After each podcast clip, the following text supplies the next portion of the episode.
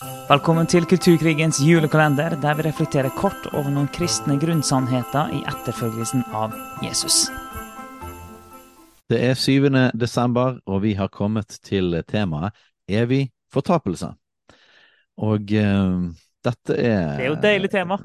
Ja, sant. Eh, Tenker jo tilbake til eh, helvetestalen som gikk på radio av Hallesby, og eh, skapte mye furore i landet vårt. Um, så dette med evig fortapelse, eller helvete, ildsjøen, disse tingene, det er jo ubehagelig og kontroversielt. Men det er en viktig del av den kristne tro. Og eh, vi snakket akkurat om omvendelse, og i omvendelsen så ligger nettopp dette at eh, jeg lever ikke lenger sjøl. Jeg eh, har overgitt mitt liv til Jesus. Han er min herre. Så det han sier, sånn er det. Og jeg tror at han er god uansett. Jeg Mm. tror på Guds godhet og i hans rettferdighet og hans dom. Eh, og det er en viktig del av det å måte overgi sitt liv til Jesus. At jeg ikke sitter med mine forutsetninger og FNs menneskerettighetserklæring eller annet sånt og sier at det er over Gud. Nei, Guds ord er øverst. Eh, og, og Guds dom er en, en rød tråd, en sentral ting, gjennom både Det gamle og Det nye testamentet. Hebreerne 27 sier like som det er menneskets lodd en gang å dø, og deretter dom. Jeg stopper der i det verset, men det, det konstaterer det at vi alle mennesker skal dø. Da. Det finnes eh, et unntak der. Det finnes noe som skal bli rykket opp når Jesus eh, kommer. Men, men utenom det så skal vi alle dø, og vi skal dømmes. Eh, Bibelen er tydelig på en dommens dag, og eh, i apostelgjerninga 17.30-31 så forkynner Paulus Paraeopagos som sier at etter at Gud har båret over med uvitenhetens tider, befaler han nå alle mennesker alle steder at de skal omvende seg. Apropos omvendelsen igjen, da.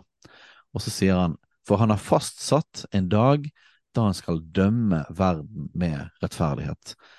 Så Bibelen sier det at det kommer en dag av dom, og på den dagen så er spørsmålet rett og slett er jeg en etterfølger av Jesus? Er jeg en som har tatt imot hans nåde og hans tilgivelse for synd?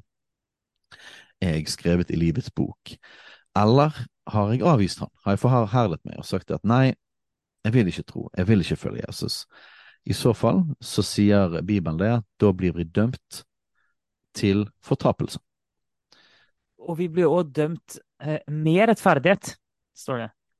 Og da må vi velge, skal vi dømmes etter vår rettferdighet, eller hva vi har gjort oss rettferdig til, eller er det det som Jesus har gjort oss rettferdig til? Og det, det, at, og det er nesten så jeg lurer på om vi kanskje senere må ha en egen episode på, på at Gud er rettferdig òg, men eh, det kan vi nå se på. Men eh, dom og Guds rettferdighet henger jo helt sammen.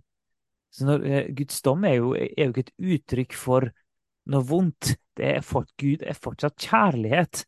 Det er bare at kjærligheten er rettferdig. Så Guds dom er et uttrykk for hans rettferdighet, og han dømmer i tråd med sin rettferdighet. Det er det som er dommen. Og det kan høres, det kan høres så, litt sånn fælt ut med dom, men dom i seg sjøl er jo ikke fælt.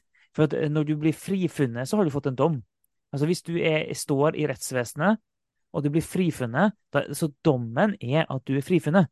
Så dom i seg sjøl er ikke negativt. I seg sjøl er ikke det noe, eh, noe fælt. Det, er fint, det. En dom er avklarende. En dom gir deg en status.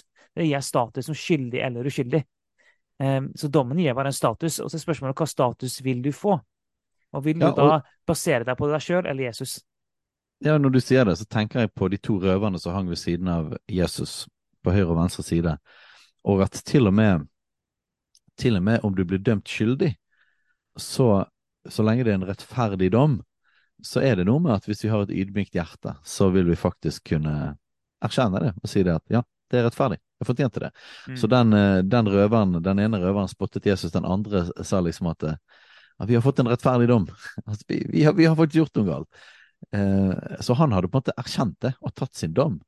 Og, og, og det viser på en måte at dommen om å bli dømt skyldig er ikke det motsatte av Guds kjærlighet, eller ikke motsatt av Guds rettferdighet. Nei, det er helt riktig. Og jeg tror at når vi alle skal stå foran Gud en gang, så vil det være en total erkjennelse for alle sammen. Det at eh, Guds dommer er rettferdige. Og eh, vi må lese fra Johannes' åpenbaring 20, vers 10-15. Eh, heftige vers om, eh, om dommen og fortapelsen. Da står det, og djevelen som forførte dem, ble kastet i sjøen med ild og svovel, hvor også dyret og den falske profeten var, og de skal pines dag og natt i all evighet. Så her er det altså fortapelse for djevelen. Så la oss bare state det med en gang. I motsetning til eh, tegneserier og karikaturene, så er ikke, ikke det sånn at den fortapelsen er et sted der djevelen er sjef eh, og driver og plager andre med høygaflene sine, mm. mens, eh, mens fortapelsen beskrives først og fremst som djevelens straff, og dommen over djevelen. Så står det òg videre, jeg så en stor og hvit trone, og han som satt på den, for hans åsyn vek jorden og himmelen bort, og det ble ikke funnet sted for dem. Og jeg så de døde, små og store, stå for Gud, og bøker ble åpnet. Og en annen bok ble åpnet, som er livets bok. De døde ble dømt etter det som var skrevet i bøkene, etter sine gjerninger og havet ga tilbake de døde som var i det, og døden og dødsriket ga fra seg de døde som var i det, og de ble dømt hver etter sine gjerninger.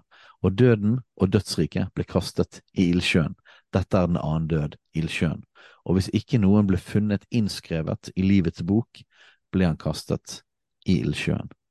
Så hvis du drar dette til på en måte det evangeliet som blir forsynt gjennom hele Nytestamentet, så betyr det at de som står i livets bok, det er de som har overgitt sitt liv til Jesus og fått sine synder tilgitt.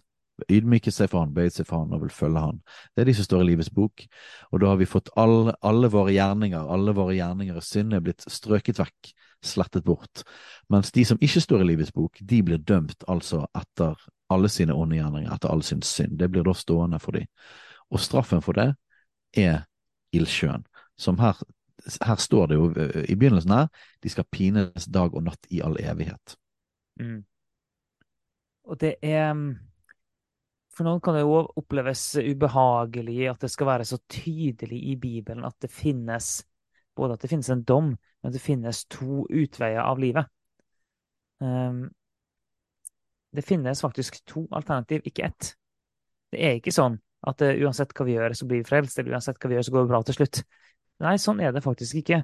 Det ser vi i versene vi har lest nå, men vi ser jo når vi ser på Jesu egne ord i Matteus 7, så er det akkurat det samme. Gå inn gjennom den trange porten, for vi er porten, og bred er veien som fører til fortapelsen, og mange er de som går inn gjennom den. Men trang er den porten, og smal er den veien som fører til livet, og få er de, er de som finner den. Ok, det er ikke til å komme unna at det finnes to veier her. Det finnes to utganger av det her livet her. To utganger som vi må forholde oss til. Og så finnes det mer tekniske, teologiske diskusjoner om nøyaktig hva som befinner seg bak. Eh, men at det finnes to utganger av livet, det er helt ubestridt i klassisk kristen tro. Det må vi forholde oss til. Ja. Andre Tessalonikerne 1,9. Straffen deres blir en evig fortapelse, borte fra Herrens ansikt, fra Hans herlighet og makt. Så vi, i morgen skal vi snakke om det evige liv, Uh, og det evige liv, det er han. Det å være sammen med han. Det, det, å være i hans herlighet. Og den evige fortapelsen er å bli skilt vekk fra hans ansikt, hans herlighet, hans makt, hans godhet, hans kjærlighet. Uh, det er å bli tatt vekk fra lyset og blitt puttet i mørket. Det er en konsekvens av det vi da valgte her på jorden den responsen vi ga til jorden. Valgte vi lyset, eller valgte vi mørket?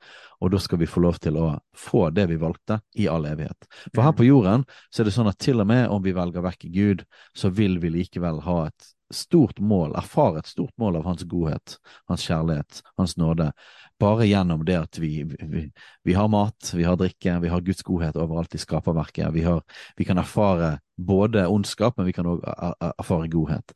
Så, så, i denne verden så er det en blanding. Mens i, i, evigheten så får du rett og slett den retningen som du har valgt. Det det du ønsker. Det, det, er, veldig, det er, egentlig en veldig sånn det, det høres feil å si enkelt, men det er liksom en, en, enkel forklaring på det. Du får det du har valgt. Og det, det, får meg til å tenke på Jeg tror det er C.S. Lewis som har vært inne på det når han beskriver akkurat den dynamikken her. Så beskriver han det som at eh, vi har to valg. Eh, og Det ene er at vi sier til Gud eh, la din vilje skje, cirka noe sånt det. Og det andre er at eh, vi nekter forholde oss til Gud, og så sier han til oss, la din vilje skje. Det er, det er egentlig alternativene vi har. Yep. Ja. Noen, eh, Det har vært eh, blitt populært de siste årene med å diskutere rundt dette evig fortapelse. Er det evig? Noen snakker om at, at det finnes tegn til at det kan være en tilintetgjørelse, at, vi, at det ikke er for evig. Um, I i bibeloversettelsene, i alle fall, de norske bibeloversettelsene, uten at vi har studert dette grundig, så er dette ordet evig brukt flere ganger. At det er en evig dom, det er en evig pinsel. Så det er det vi i utgangspunktet tror. Uh, og nok en gang, vi har ikke gått for dypt inn i det, men det som jeg vil liksom advare litt mot, for de som heller mot en sånn her eh, det kan ikke være evig, er ofte motivasjonen jeg hører for det argumentet, og det syns jeg er skummelt. Og det er liksom dette, hvis Gud er en kjærlig Gud, så kan ikke Gud, så kan det ikke være, på en måte. Og det, det er en type forutsetning som som jeg tenker da må vi rykke litt tilbake igjen til omvendelsesaspektet, og overgi oss til Jesus og si det at vet du det han vil, det er godt. Det er forutsetningen. Han, han, han gir forutsetningene for rett og galt, eh, og for det som er godt og det som er ondt. Så hvis han sier evig, så tror jeg på evig. Eh, og om jeg tar feil i det, så, så vil jeg uansett ikke Jeg vil ikke ta mitt intellekt. Jeg vil ikke at min, min liksom forutsetning skal være det at Gud kan ikke gjøre det, for da er han sånn eller sånn. Hvis det er drivkraften, så er det veien til utglidning eh, fra alle mulige slags ubehagelige spørsmål i Bibelen. Så ransak ditt hjerte eh, hvis du er langt inne på den greien der. Og la oss omfavne og erkjenne det at Gud er god, til og med med sin dom, og alt det han har sagt.